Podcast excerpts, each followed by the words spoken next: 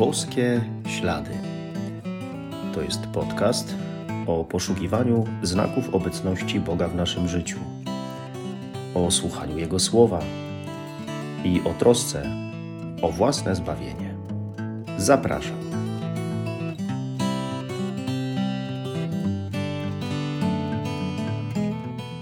Witam wszystkich serdecznie. Szczęść Boże. Pan Jezus w Piśmie Świętym wiele razy zapowiada e, swoją mękę, śmierć i zmartwychwstanie. E, słyszymy o tym często e, w okresie Wielkiego Postu. Dziś także Pan Jezus zapowiada swoją mękę, śmierć i zmartwychwstanie i czyni to w specyficzny sposób, albo może należałoby bardziej powiedzieć, że czyni to przy okazji swojego zachowania innego niż to, do którego nas przyzwyczaił. Posłuchajmy zatem. Z Ewangelii według świętego Jana. Zbliżała się pora Paschy Żydowskiej i Jezus przybył do Jerozolimy. W świątyni zastał siedzących za stołami bankierów oraz tych, którzy sprzedawali woły, baranki i gołębie. Wówczas, sporządziwszy sobie bicz ze sznurków, powypędzał wszystkich ze świątyni, także baranki i woły. Porozrzucał monety bankierów, a stoły powywracał. Do tych zaś, którzy sprzedawali gołębie, rzekł: Zabierzcie to stąd i z domu mego ojca nie róbcie targowiska.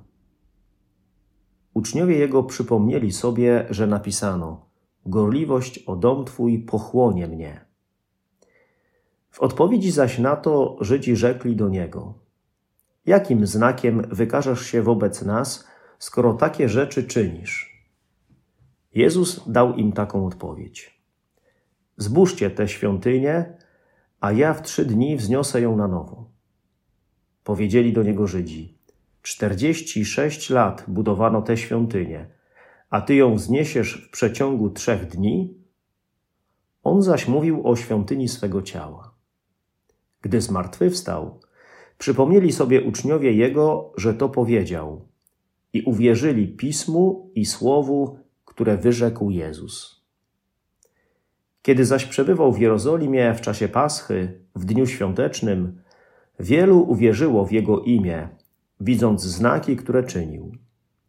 Jezus natomiast nie zawierzał im samego siebie, bo wszystkich znał i nie potrzebował niczyjego świadectwa o człowieku. Sam bowiem wiedział, co jest w człowieku. No to rzeczywiście Pan Jezus robi konkretny porządek. Mówiąc delikatnie, lekko się zdenerwował. To niepodobne do Niego, nie przyzwyczaił nas do takiego swojego zachowania, choć trzeba powiedzieć, że e, no jest coś takiego jak święty gniew. Jeśli sam Bóg y, tak się zachowuje, to znaczy, że zależy mu na mnie. O tym świadczy ta złość Jezusa. E, Jezus oczyszcza świątynię z rzeczy pogańskich, oddziela świętość od grzechu. Tak samo oczyszcza nasze dusze z grzechów. Y, oczyszcza nas, którzy jesteśmy świątynią Ducha Świętego. Jezus potępia grzech, ale nie grzesznika.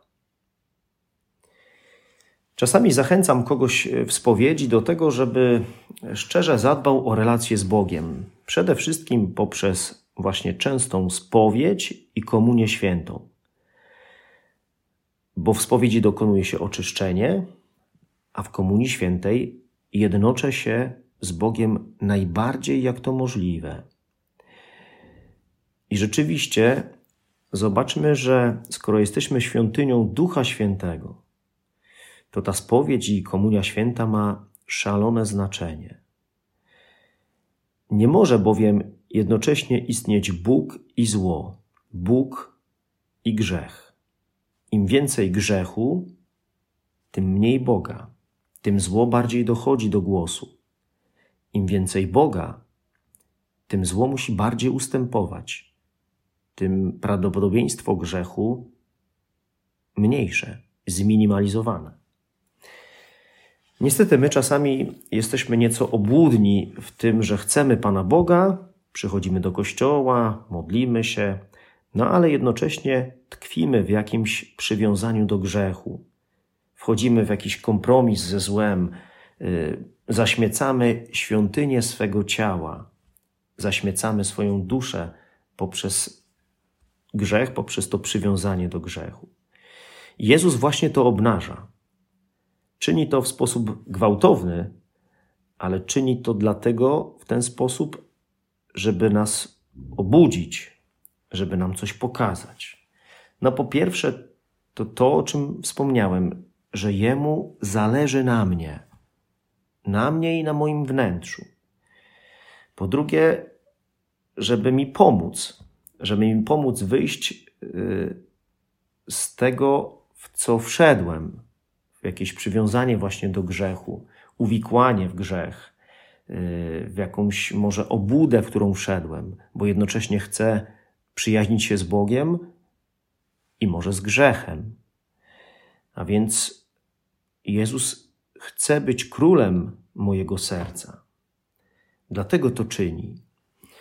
I wreszcie chcę, żebyśmy się otrząsnęli właśnie z takiej postawy y, no, niekonsekwencji, zakłamania, takiej fałszywej postawy, która nie jest prawdą, i żebyśmy w końcu coś z tym zrobili, z tym, w czym tkwimy. Umartwiamy się w Wielkim Poście i tak naprawdę czynimy to po to, żeby nie pójść na kompromis ze złem, z naszymi porządliwościami i żeby rzeczywiście duch zwyciężył, żebyśmy byli w ten sposób potem bliżej Boga. Taki jest cel tych naszych umartwień.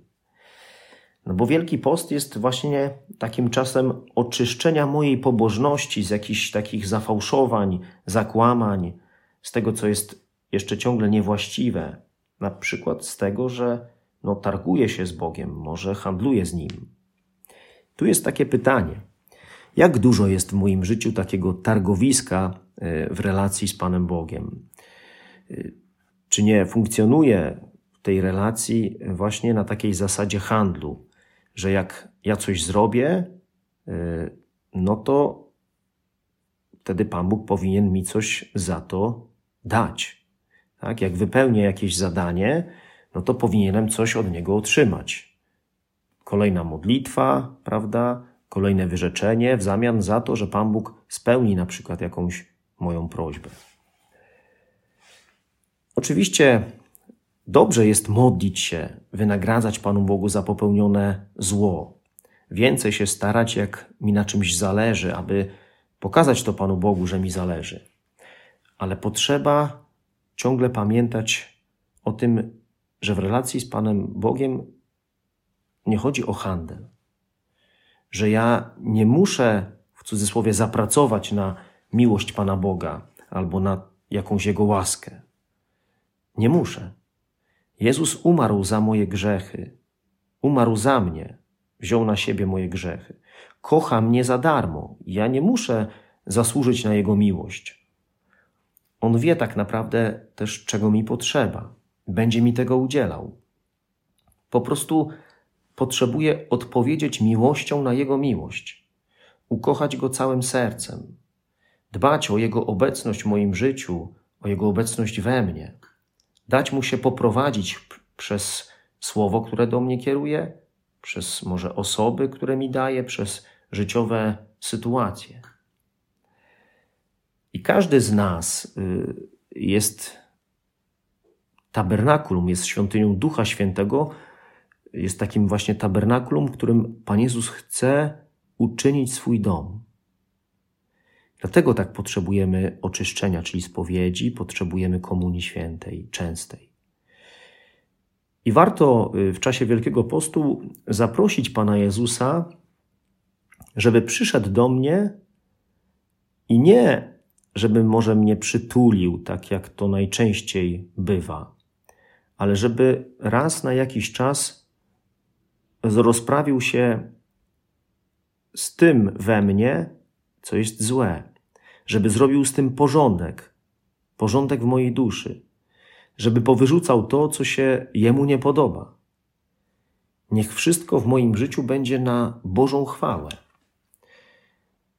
I tutaj warto, żebyśmy życzyli sobie tego, by właśnie o tą Bożą chwałę pochłonęła nas taka wielka gorliwość, taka gorliwość, jak pochłonęła Jezusa.